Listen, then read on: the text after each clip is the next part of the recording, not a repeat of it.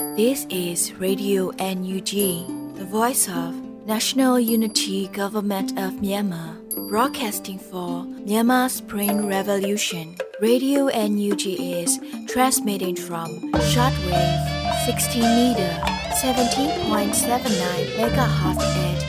8:30 a.m. and 25 meter 11.94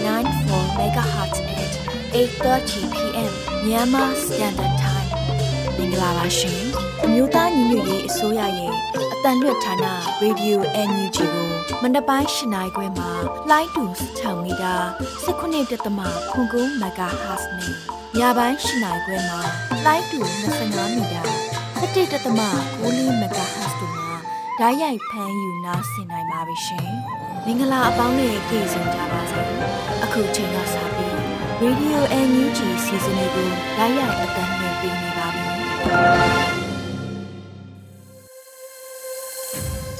မြန်မာနိုင်ငံသူနိုင်ငံသားအပေါင်းတဘာဝဘေးစစ်အာဏာရှင်ဘေးတို့ကနေကင်းဝေးပြီးကိုစိတ်နှပြကျမ်းမာချမ်းသာလို့ဘေးကင်းလုံခြုံကြပါစေလို့ Radio NUG ဖွဲ့သူဖွဲ့သားတွေကဆုတောင်းမေတ္တာပို့သလိုက်ရပါတယ်ရှင်။အခုချိန်ကစပြီးပြည်တွင်းသတင်းတွေကိုຫນွေဦးမိုင်ကဖတ်ကြားတင်ပြပေးတော့မှာဖြစ်ပါတယ်ရှင်။မင်္ဂလာပါရှင်။အခုချိန်ကစပြီး Radio NUG ရဲ့နောက်ဆုံးရသတင်းများကိုတင်ပြပေးပါတော့မယ်။ကျွန်မຫນွေဦးမိုင်ပါ။ ပထမဆုံးအမျိုးသားညီညွတ်ရေးအစိုးရ၏တရားရေးဝန်ကြီးဦးသိန်းဦးနဲ့ကိုရီးယားရှိမြန်မာနိုင်ငံသားများတွေ့ဆုံဆွေးနွေးပွဲကျင်းပမယ့်တဲ့ရင်ကိုတင်ပြပေးပါမယ်။ဇွန်လ2ရက်နေ့မှာတရားရေးဝန်ကြီးဌာနကသတင်းထုတ်ပြန်ချက်အရအမျိုးသားညီညွတ်ရေးအစိုးရ၏တရားရေးဝန်ကြီးဦးသိန်းဦးနဲ့ကိုရီးယားရှိမြန်မာနိုင်ငံသားများတွေ့ဆုံဆွေးနွေးပွဲကျင်းပမယ်လို့သိရပါဗျ။တွေ့ဆုံဆွေးနွေးပွဲကို2022ခုနှစ်ဇွန်လ9ရက်နေ့ည8:00နာရီခွဲတွင် Zoom meeting ဖြင့် NUG Representative Office Republic of Korea မှကျင်းပသွားမှာဖြစ်ပါတယ်။အဆိုပါအခမ်းအနားအားစိတ်ဝင်စားသူများတက်ရောက်ရန်တရားရေးဝန်ကြီးဌာနကဖိတ်ကြားထားပါရရှင်။ဆလပီပညာတက်ရေးကိုဗဟုပြုတဲ့ပညာရေးစနစ်ကြီးသာလူအဖွဲ့အစည်းကိုအမှန်တကယ်ကောင်းကျိုးပေးမယ်လို့ NUG အစိုးရ၏ချက်နိုင်ငံကိုယ်စားလှယ်ဦးလင်းတန်ဆိုတဲ့အကြောင်းတင်ပြပေးပါမယ်။ဇိုးလတရက်နေ့မှာ ပညာရေးနဲ့ပတ်သက်လို့ချက်နိုင်ငံကိုယ်စားလှယ်ဦးလင်းတန်းကပညာရေးဟာနိုင်ငံတကာရဲ့အသက်သွေးကြောဖြစ်တဲ့စစ်ပွဲတွေဖြစ်နေတာတောင်ပညာရေးမပြတ်သွားဖို့တိတ်အရေးကြီးရဲ့ဒါဟာပညာတက်တွေမွေးထုတ်ဖို့ပညာရေးအတွက်လူအဖွဲ့အစည်းမှာတာဝန်ရှိရဲ့မြန်မာနိုင်ငံမှာစစ်အစိုးရလက်ထက်စစ်စစ်က graduate ဆိုတာကိုဂိမ်းကနန်းတွေများစွာမွေးထုတ်ခဲ့တဲ့ပညာရေးစစ်အာဏာသက်ရေရှည်ရည်တည်နိုင်ရဲ့အတွက်နိုင်ငံရေးအရာပညာရေးကိုအသုံးချခါဖြစ်အသုံးပြုခဲ့တာဖြစ်ပြီး educate တွေဖြစ်လာမှမလိုလားခဲ့ဘူးလို့ဆိုပါရယ်စစ်ကောင်စီဟာလက်တလောမှာကျောင်းများပြန်လည်ဖွင့်လှစ်လက်ရှိပြီးအတန်းတင်ပညာရေးကိုမက်လုံးပေးကကျောင်းသားမိဘများကိုစီယုံသိမ့်သွင်းလက်ရှိပါတယ်ဒီမှာမိခွန်းကတော့ပညာတက်ဖို့ကျောင်းတက်တာလားကျောင်းတက်ရင်ပညာတက်လားဒီလိုမှမဟုတ်ပဲပုံနှိပ်ဆက်ကစက်ကူတွေရိုက်ထုတ်တယ်လို့ပညာရေးမျိုးဟာစက်ကူရဲ့ပညာရေးသာဖြစ်မယ်စက်ကူရဲ့ပညာရေးမျိုးမြန်မာလူအဖွဲ့အစည်းမှမလိုအပ်ဘူးလို့ UNG အစိုးရ၏ချက်နိုင်ငံကိုယ်စားလှယ်ဦးလင်းတန်းကထပ်မံဆိုပါရရှင်ဆက်လက်ပြီးဆီယာဆီယာမ35ဦးကိုထီးချိုင်မြို့နယ်ပြည်သူ့အုပ်ချုပ်ရေးဖွဲ့ကအမိပြက်စရင်ကြီးညာ၍တရိပေးတဲ့တရင်ကိုဖတ်ကြားပါမယ်စစ်ကောင်စီလက်အောက်တာဝန်ထမ်းဆောင်နေကြတဲ့မြို့နယ်ပင်ရရေးမှုများနဲ့ကျောင်းအုပ်ကြီးအပါအဝင်ဆီယာဆီယာမ35ဦးကိုထီးချိုင်မြို့နယ်ပြည်သူ့အုပ်ချုပ်ရေးဖွဲ့ကအမိပြက်စရင်ကြီးညာ၍တရိပေးလိုက်တယ်လို့သိရရှိပါရယ် ဇွန်လ၁ရက်နေ့တွင်ထီးချိုင်မြို့နယ်ပြည်သူ့အုပ်ချုပ်ရေးဖွဲ့ကြီးညာခဲ့ရာအမျိုးသားညီညွတ်ရေးအစိုးရဖော်ဆောင်သောကြားကာလပညာရေးတွင်ပူးပေါင်းပါဝင်တဲ့ CDM ဆရာဆရာမများနဲ့ကျောင်းသားမိဘများကိုလည်းမှတ်တမ်းတင်ကုန်ပြုတ်အပ်တယ်လို့ဆိုထားပါရယ်။ဒါ့အပြင်ပညာရေးဌာနမှပြည်သူ့တက်ဆက်ဖောက်ပညာတက်အတိမဲ့လောက်ကောင်များသည်စစ်အာဏာရှင်စနစ်တက်ဆိုးရှင်စီရဲ့အတွက်ယနေ့အချိန်ထိအ धिक တောက်တိုင်ပြုမောင်းနေနေကြသည်ကိုတွေ့ရ၍၎င်းဝန်ထမ်းများကို အမိပြက်စရင်တတ်မှတ်ပြီးနောက်ဆုံးတတိပေးလိုက်တယ်လို့လည်းဖော်ပြထားပါတယ်။ထို့သောအမိပြက်စရင်သွင်းခံရသောသူများတွင်မြို့နယ်ပြည်ငံရေးမှုဦးစီးအရာရှိနဲ့ကျောင်းအုပ်ကြီးများပါဝင် အလေတန်းပြအထက်တန်းပြဆရာများလည်းပါဝင်ပါတယ်ရှင်။ဆက်လက်ပြီး Count for You တွင်အတန်းပိုင်ရထူးနှင့်တင် जा ရေးရထူးတို့ကိုလစာ2သိန်းကျော်မှ3သိန်းခွဲထိပေး၍ခေါ်ယူတဲ့တရင်ကိုတင်ပြပေးပါမယ်။ Count for You တွင်အတန်းပိုင်လစာ2သိန်း1000ကျပ်တင်ကြားရေးဆရာလာစာ3,500ကျပ်ဖြင့်ခန့်အပ်သွားမည်ဖြစ်ပြီး laptop အသုံးပြုစာတင်ကြားနိုင်သူများ laptop ရှိပြီးစည်ရင်းစရာလောက်က အတန်းထိန်နိုင်သူများရှောက်ထားနိုင်မှာဖြစ်ပါတယ်။အဆိုပါအသစ်ခန့်အမဲ့အတန်းပိုင်ရထုနဲ့တင်ကြားရေးရထိုးတို့ကိုဇွန်လ3ရက်နေ့တွင်ခေါ်ယူသွားမှာဖြစ်ပါတယ်။အင်တာဗျူးများရေးဖြေများနဲ့ဘာသာရေးမှုပမုခများမှစစ်ဆေးမိ micro teaching တို့အတွက်ကြိုတင်ပြင်ဆင်ရမှာလည်းဖြစ်ပါတယ်။ Count for You School ဟာအမျိုးသားညီညွတ်ရေးအစိုးရပညာရေးဝန်ကြီးဌာနလက်အောက်ခံကျောင်းတစ်ကျောင်းလည်းဖြစ်ကဇွန်လ၁ရက်နေ့တွင်ကျောင်းအပ်သူကျောင်းသားပေါင်းတသိန်းအထိရှိခဲ့ပါတယ်ရှင်။အခုတင်ပြပေးခဲ့တဲ့သတင်းတွေကိုတော့ UNG သတင်းထောက်မင်းမင်းကပေးပို့ထားတာဖြစ်ပါတယ်ရှင်။အခုဆက်လက်ပြီးသတင်းနဲ့အတူလူထုစကားသအစီအစဉ်ကဏ္ဍကိုတင်ဆက်ပေးသွားမှာဖြစ်ပါတယ်။ရန်ကုန်စက်မှုဆောင် SME စက်ရုံလုပ်ငန်းတွေစီကနေအခွန်မီတာခနဲ့ လူမှုဖုန်လုံရေးကြေးတွေကိုစစ်ကောင်စီကအစမတန်အတင်းကျပ်တောင်းခံနေတယ်လို့လုပ်ငန်းရှင်တွေကပြောပါရယ်ရန်ကုန်မြို့စက်မှုဇုံတွေမှာလုပ်ငန်းလည်ပတ်ဖို့ရုန်းကန်နေရတဲ့အသေးစားအလက်စား SME စက်ရုံလုပ်ငန်းတွေစီကနေအခွန်အမျိုးမျိုးကိုအစမတန်အတင်းကျပ်ကောက်ခံနေသလိုစစ်ကောင်စီကအလုပ်လုပ်ဖို့ဖြစ်နိုင်ခြင်းမရှိတဲ့လုပ်ငန်းစုံတင်တာတွေလည်းအများကြီးခေါ်နေပေမဲ့လုပ်ငန်းရှင်တွေကတော့သူတို့နဲ့ပတ်သက်ပြီးအလုပ်လုပ်ဖို့စိတ်ကူးမရှိဘူးလို့ SME အထည်ချုပ်စက်ရုံလုပ်ငန်းရှင်တို့ကဆိုပါတယ်ဒေတာလုပ်တဲ့လူတွေကိုတန်းပြီးနေရပဲလက်စီပြီးခေါ်တဲ့လူဒါပေမဲ့အဲ့ဒီဟာလည်းချက်စားလက်စားပြဿနာတွေရှိနေတယ်အဲ့ဒီနောက်တွေကိုလိုက်မှလည်းတိတ်ကြတော့တည်ဘူးပေါ့နော်ဒါပေမဲ့တင်တာကဒီနေ့တနေ့ခေါ်တဲ့ဆောင်ရအများကြီးပဲလုပ်ငန်းတွေဘယ်လိုချပြီးလက်ဆန်တော့ဘယ်လိုချပြီးနေတော့ပြောတယ်လုပ်ငန်းတော့တကယ်တော့တော့ရလာလည်းမသိဘူးမဖြစ်နိုင်တဲ့တင်တာမျိုးတွေလည်းပေါ်နေတာတွေ့ရပါတော့။အမတော့အပြက်ပဲပြက်ပဲ။လုံးဝမပတ်သက်ဘူး။အမတို့အခွန်ကလည်းခုလိမဆောင်ပေါ့လေ။ ရှင်တောင်းခံထားတယ်ပေါ့လေ။ဒီတားလည်းမဆောင်မဲနဲ့တောင်းခံထားတာကိုဒီကမက်လာမှာမိသားနာဖြစ်တဲ့အတွက်ဆောင်းပါတယ်ဆောင်းပါလေအဲ့လိုမျိုးပေါ့နော်နည်းနည်းတော့နားလည်းပါရိုက်ဒီလုပ်ပြီးတော့ခွဲခွဲခွဲပြီးတော့ဆောင်းလို့ရအောင်လို့တခုတည်းတော့ရှင်းလင်းမပြီးသေးဘူး။ဘုံဘုံကမထင်မှတ်ထားတဲ့ကုလုံးရဲ့လူကလေအတိုးကလေမဆောင်တဲ့အတိုးအတွက်တနေ့တာတနေ့တွေ့ယူတာတော့ကုလုံးကြီးကတစ်နှစ်လုံးပဲလည်းမဆောင်တဲ့အတွက်အတိုးကြီးပဲကို350တော့ပေးလိုက်ရတယ်။အဲ့ဒါအတင်းကောက်တာ။တရားစွဲမဲ့စွဲစာတွေပါလား။ပစီဂျန်မလုပ်တဲ့ထူတုံကြီးတွေကတော့တနာလို့ဆိုပြီးထက်ခံလို့မရအောင်အားလုံးအပြုတ်ပဲဖြစ်ရမှာ။ရန်ကုန်မြို့က SME စက်ရုံလုပ်ငန်းတွေဟာလက်ဆက်မီးများတာ73စီစီကြီးနေတာတွေကြောင့်လုပ်ငန်းစုစုပေါင်းရဲ့90ရာခိုင်နှုန်းနီးပါးဟာစက်မရက်တည်နိုင်တော့ပဲလုပ်ငန်းတွေရပ်ထားရပါတယ်။မရက်သေးတဲ့လုပ်ငန်းတွေကလည်းအထွေထွေကုန်ကျစရိတ်နဲ့ဝန်ထမ်းစရိတ်တွေကြောင့်ရေရှိဆက်သွားဖို့မလွယ်တော့ဘူးလို့ SME ဆက်ပြဆက်ယုံလုပ်ငန်းရှင်တို့ကဆိုပါတယ်။ဒီတဲ့တကဆိုင်ကမနေ့ကဝယ်1200ဆိုတော့စီကိုအဲ့ဒါကို ပါပြသွားမယ်ဆိုရင်အရင်သေးလေးတော့မှတရက်သိန်းလောက်ပြုတ်မဲ့သဘောရှိတယ်လေ။ဒီတဲ့တရက်သိန်းမိုးကုန်နေဆိုရင်မီတာကားကတလောက်ကို၄သိန်းလောက်ပဲကုန်နိုင်တာ။ဒီလေဆိုတလောက်သိန်း30လောက်ကုန်မဲ့သဘောပေါ့နော်။ဘလောက်กว่าပါလဲသိန်းလေးလောက်กว่าသွားပြီလေ။သိန်းလေးလောက်ဆိုတော့လုပ်ငန်းပေါက်စားလေးနေတာကဝင်ပဲလဲသွားမှာပေါ့။လဲသွားပြီပေါ့။အဲ့လိုတော့ပေါ့။လဲဆိုဒီ90ရာနှုန်းလောက်တော့လဲသွားပြီရက်သွားပြီပေါ့နော်။ ဒီတော့ကရှိတဲ့ပြည်စည်းနဲ့ဥနေဝင်ဖြစ်လို့ပေါ့ဒီတော့ရှိတဲ့ကုန်ကျန်းတွေနဲ့ဖြစ်အောင်ဖန်ဆင်းနိုင်တဲ့လုပ်တွေလောက်ပဲကြံပါပဲကျန်တာတော့အကုန်ရပ်ပါမယ်တဘောပဲ NLD အစိုးရလက်ထက်စက်မှုဝန်ကြီးဌာနစက်မှုကြီးကြပ်ရေးနဲ့စစ်ဆေးရေးဦးစီးဌာနရဲ့စည်ရင်းတွေအရမြန်မာနိုင်ငံမှာအသေးစားနဲ့အလက်စားလုပ်ငန်းပေါင်း3600ကျော်မှတ်ပုံတင်ခဲ့ပြီးအခြေခံပြည်သူတွေကိုယ်တိုင်ကိုပိုင်လုပ်ငန်းတွေလုပ်ကန့်ခွင့်ရခဲ့တာဖြစ်ပေမဲ့ လက်ရှိအခြေအနေမှာတော့ရှေ့ဆက်ဘာဖြစ်မဲဆိုတာမခံမနိုင်တော့ဘူးလို့ SME လုပ်ငန်းရှင်တွေကပြောပါတယ်။ဒီသတင်းတွေကိုຫນွေဦးခေကပေးပို့ထားတာဖြစ်ပါတယ်ရှင်။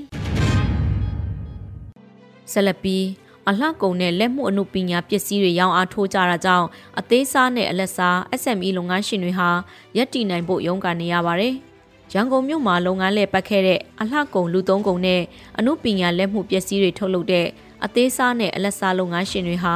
ကုန်ပစ္စည်းတွေရောင်းအားထိုးကြတာကြောင့်ဆက်ပြီးရှင်သန်ရက်တည်နိုင်ဖို့ရုန်းကန်နေရတယ်လို့ SME အလှကုန်လုပ်ငန်းရှင်တယောက်ကပြောပါတယ်အမတို့ SME ဒီလုပ်ငန်းလေးတွေကတကယ်ကိုဖွံ့ဖြိုးတော့မယ့်အလားကမြင်နေရမယ့်အချိန်မှာမှ လုံးဝပြန်ပြီးပြုတ်ကြသွားအဲ့လိုမျိုး။တောင်းက7ပုံပုံဆိုရင်2ပုံလောက်ပဲရောင်းတာပေါ့။စားဖို့တောက်ဖို့အတွက်အကြီးကရုံးဆိုင်နေရတဲ့ခါကျတော့ဟိုတာမန်လူတိုင်းစားပြောင်းနေတယ်ဒါလေးတွေကိုသုံးကျင်တယ်ဆိုရင်တော့မှစားဝတ်နေအတွက်ပူစားပေးလိုက်ရတာရှိတယ်လေ။ဒီနှစ်နှစ်ကျော်တော့မဆိုတကယ်ကြီးတောင်းခံတာလား။တချို့ဆိုလို့ရှိရင်လုံးဝလုပ်ငန်းမလဲဆက်နိုင်တော့တဲ့လူတွေရှိတယ်လုံးဝ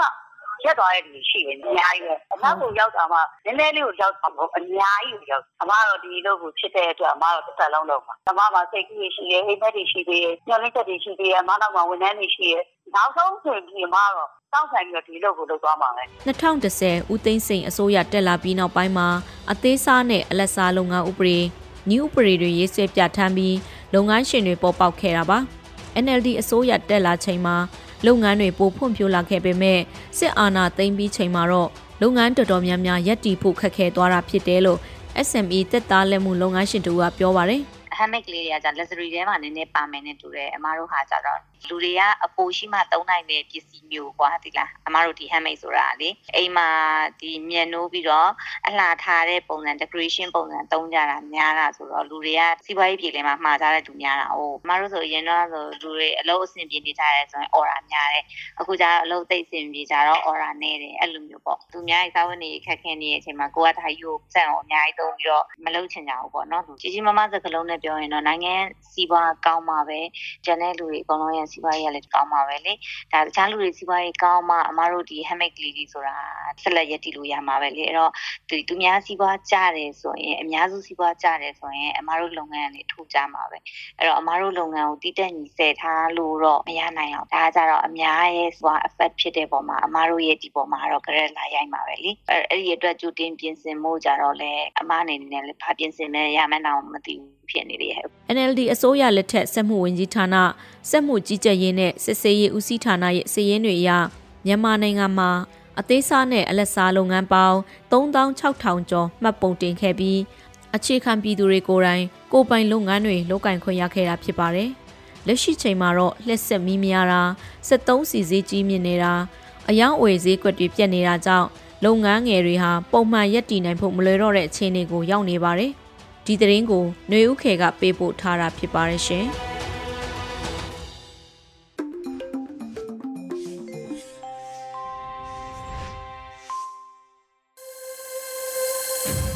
ဆက်လက်ပြီးတော်လန်ရေးဆောင်းမအစီအစဉ်မှာထိန်လင်းရဲ့ငါတို့မှာငါတို့ရှိတယ်ဆိုတဲ့ဆောင်းမအမှတ်23ကိုနားဆင်ကြရပါမယ်ရှင်။ကိုမရွေးမဲ့ရွေးလိုက်ရတယ်လေချမ်းမဲ့ ဆိုတာပြီးရဲ့ထွက်ခဲ့ရပြီရှောင်ဘူးတယ်လေလွယ်တွေခွာချလို့စားခဲ့ရပြီငါတို့မှာငါတို့ရှိတယ်ဆောင်းမအမှတ်23ဖြစ်ပါတယ်ကျွန်တော်ကထိန်လင်းပါအာနာရှင်စစ်ဖက်နှက်အောက်ကပညာရေးကို တန်နိုင်ကြားကပညာရေးလို့အမိတတ်မယ်ဆိုရင်ဒီကနေ့ကလေးတွေကိုကြောင်းအပ်နေကြတဲ့မိဘများကသဘောတူခြင်းမှတူပါလိမ့်မယ်တကယ်အနေထားမှန်ကဒီထက်အများကြီးဆိုပါတယ်တန်တိုင်ကြားကပညာရေးစစ်ကြွပညာရေးအမိခံပညာရေးအနှစ်မဲ့ပညာရေးရွှေရည်စိန်ပညာရေးဟန်ပြပညာရေးစသဖြင့်ခေါင်းစဉ်ပေါင်းများစွာတက်ပြီးရေးပါမှ စစ်အာဏာရှင်များရဲ့ဒီကနေ့ခင်းကျင်းနေတဲ့ပညာရေးစနစ်ကို ပုံဖော်နိုင်မှာဖြစ်ပါတယ်။တဦးချင်းရဲ့အတ္တတွေနဲ့သာသမီပညာရေးနောက်ကျမှာစိုးလို့ကြောင်းအကြပညာသင်ကြားစေကြတယ်ဆိုရင်တော့စစ်အုပ်စုရဲ့ပညာရေးအခင်းချင်းဟာ လုံခြုံမဲ့တက်ကြွမဲ့နှွေးထွေးမဲ့ပညာရေးဖြစ်လာဖို့မရှိပါဘူးပညာဆိုတာအကောင်းဆိုးအကြောင်းအကျိုး အမှားမှန်ကို ပိုင်းခြားသိမြင်နိုင်တဲ့အရာလို့အတိတ်ပဲဖွင့်ဆိုမယ်ဆိုရင် အခုဖွင့်မဲ့စာသင်ကျောင်းတွေထံကဘာတွေရနိုင်မလဲသိန်းနဲ့တန်းနဲ့ချီတဲ့ပြည်သူအများအတိဒုက္ခရောက်အောင် နေ့စဉ်ရက်ဆက်ဖိနှိပ်နေတဲ့စစ်ကောင်စီလက်အောက်မှာစီဒီယံမလုပ်ဘဲရှိနေကြတဲ့ဆရာဆရာမတွေရဲ့ယာဂိုင်နှုံးဘလောက်ကပညာရဲ့အတိတ်ပဲကိုဖွင့်ဆိုပေးနိုင်ကြမလဲဆိုတာကလည်းအရေးအကြီးဆုံးမေးခွန်းဖြစ်ပါတယ် အခုကာလလိုစစ်အုပ်စုကတိုင်းပြည်ကိုထိန်းချုပ်နိုင်ခြင်းမရှိတဲ့ကာလမပြောနဲ့ရှစ်လေးလုံးလူမှုအရေးတော်ပုံပြီးပြန်ပွင့်တဲ့တက္ကသိုလ်တွေမှာတောင်ကျောင်းသားကတ်ကိုရင်ဘတ်မှာချိတ်ပြီးကျောင်းတက်ရဂိတ်ဆောင်နဲ့ထောက်လန်းရေးကြောက်ရ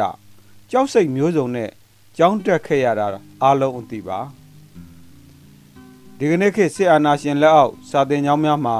ဘလို့ပညာတွေတက်မြောက်မှာလဲဆိုတာလဲစဉ်းစားကြဖို့လိုပါတယ်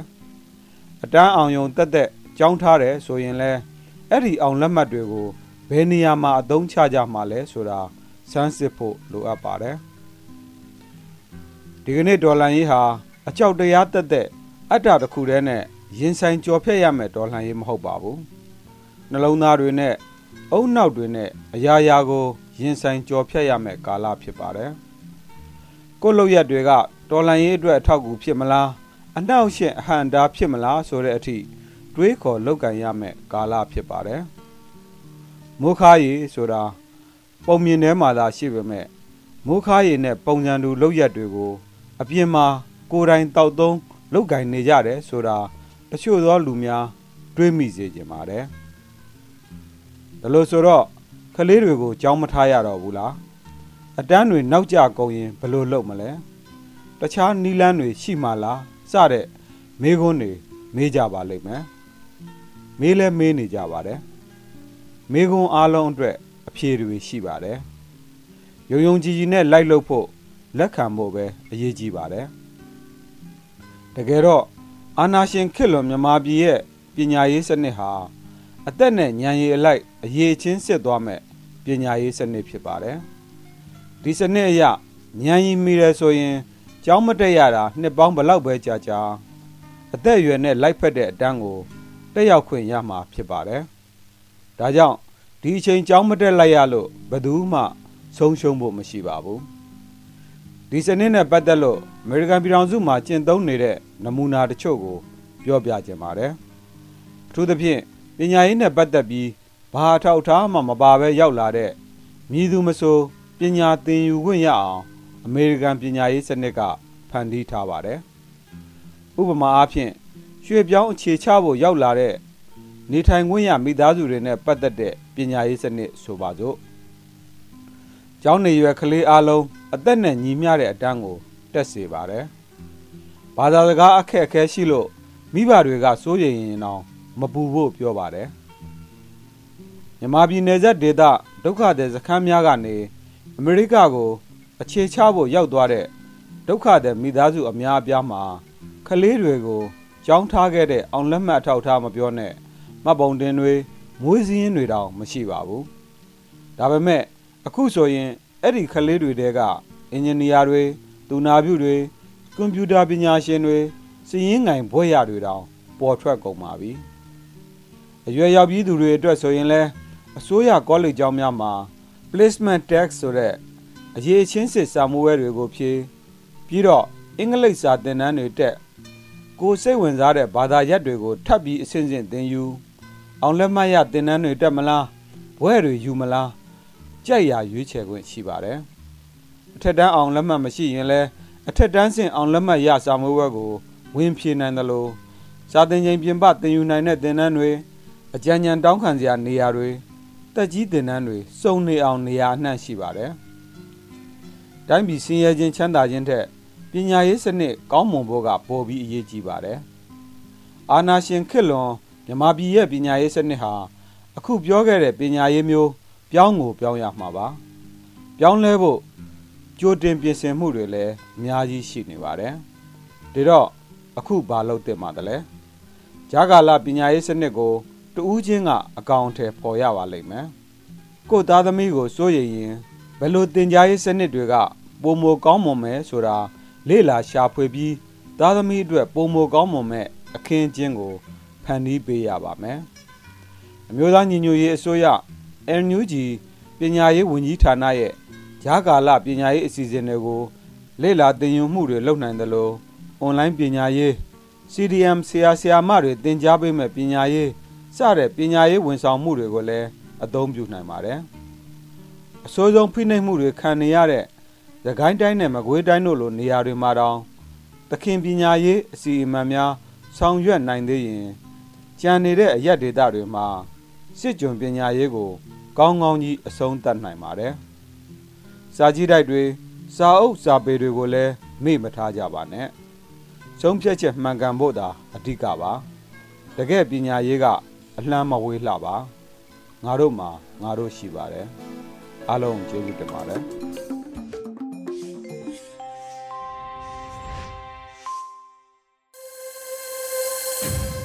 အခုတခါတယောဇာကဏ္ဍမှာအောင်နေမျိုးတင်ဆက်ထားတဲ့တက်ပြက်လူလူဖို့တက်ဖို့အပိုင်း48ကိုနားဆင်ကြရပါတော့မယ်ရှင်။တော်စေအကြောင်းတွေတက်ပြက်လူလူမထူးစားခင်းနေပါဖို့တက်ဘူးတက်ပြက်လူလူဖို့တက်ဘူးတက် ပြက်လူလူဖို့တက်ဘူး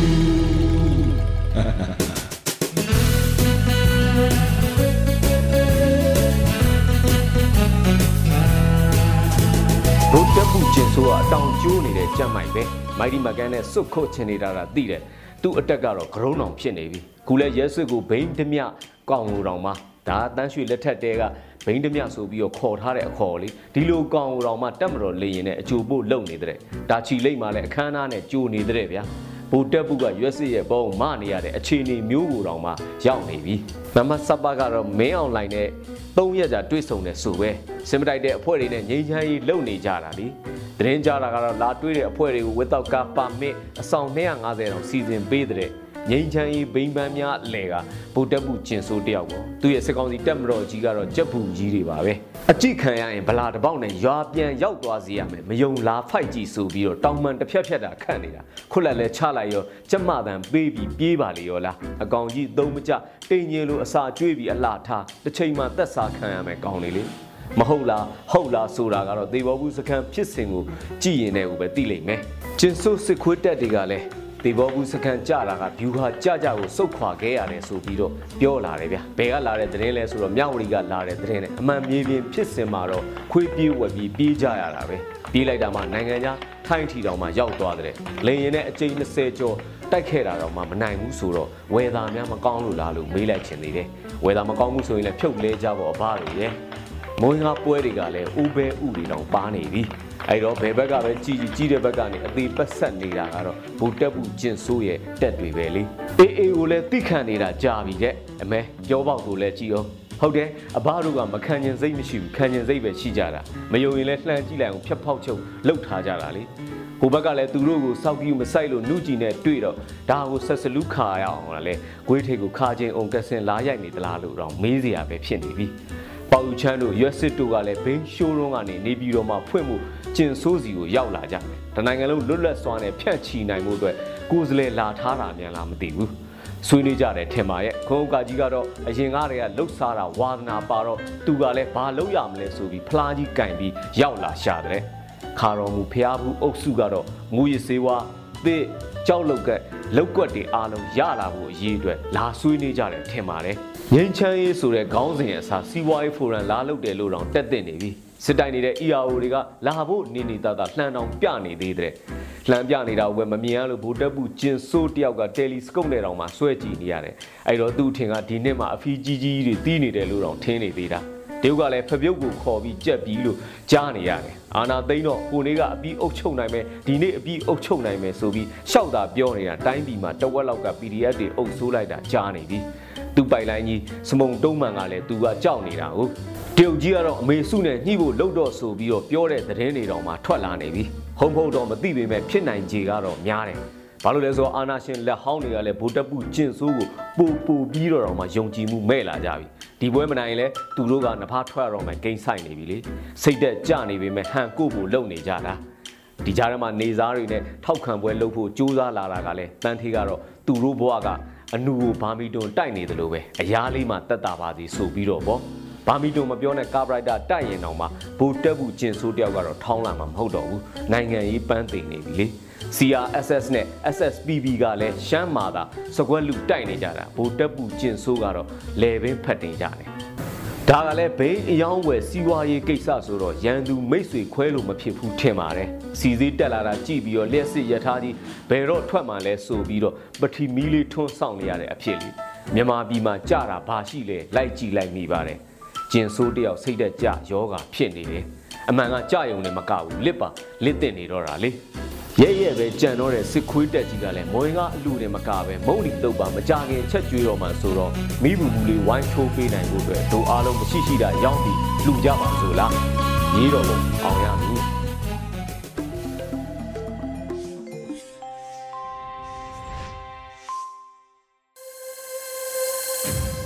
Radio NUG မှာဆက်လက်အသံလွှင့်နေပါတယ်ရှင်။ တိုင်းသားဘာသာစကားနဲ့ထုတ်လွှင့်မှုကဏ္ဍမှာ Solan Voice TV ကတင်ဆက်ထားတဲ့ TV Decision Making ဆိုတဲ့အကြောင်းအရာကိုနားဆင်ကြရပါမယ်ရှင်။ Haksan na tampi kom kara uda utta kelehang ihilo aphamo pen kendan na songphet chit decision inailo phamo den hi ikhen tan na te nirang te sangina lawoi na risk ong tam zota hi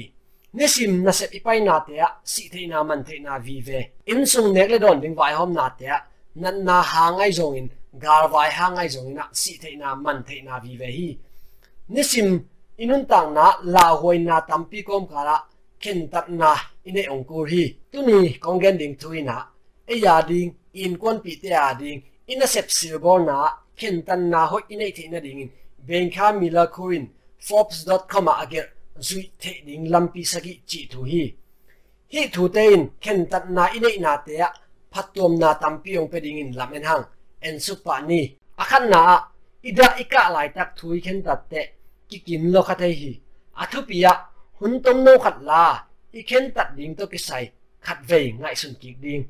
khen tat na te in, mai lam tu tampi sai kha thei ding a hi manin hun lak ma ma ding ki sam hi. Khen tat zo lo à hun lak ding ber hi sam lo mo หุ่นตอมไลน์ล่ะตุลายตักฮิกะลุงฮิหมอนาเต็งอมโลฮิเลกอยจิกะเข็นตัดเดียมจินังเลนังกิดองอินอันนี้นะอีเข็นตัดดิงตกิใส่ถูเป็นเตรตะกาอีเทดิงอะอิงอาซาซาถูเลล่ะอินโฟเมชันเด็กายคอมพอดดิงลายบุซิมนาปันอาเทตักตักแต่ตกิโหนาปันโคชแต่ตกิโหนาปันจีดานาลัมปีตวมตวมอากิสัมเทหวยถูเตกายคอมพอดดิง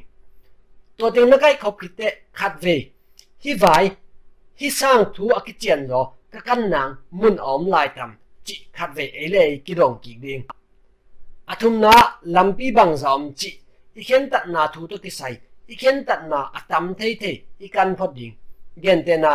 เบียกินักกิขอมตัดิงโมจิเข็นตัดกูจินีลำปีดังบังอมซุมปันินักกิขอมเทเบียกินเงียบไปอากิขอมเทมีตำเละขังโนขังหามกิเคนากิขอมเทจีดานาลัมปีตัมปีไงสุนพอดิงตัวคิดจังตัวก็ไงสุดขากโลลัมปีดังอังไงสุนขัดให้กว่าเอามตัมจีขัดเวกิดงกิดิงอลีนา khăng nấu khăng hàm chỉ khi nào kỳ khom thế. Chỉ đàn là lắm pi tắm pi, ngại sụn phát điện tôi khi chăng tôi các ngại sụt khác lộ lắm pi đằng ăn ngại sụn khát thấy của ông tam chỉ, khát về kỳ đồng kỳ điện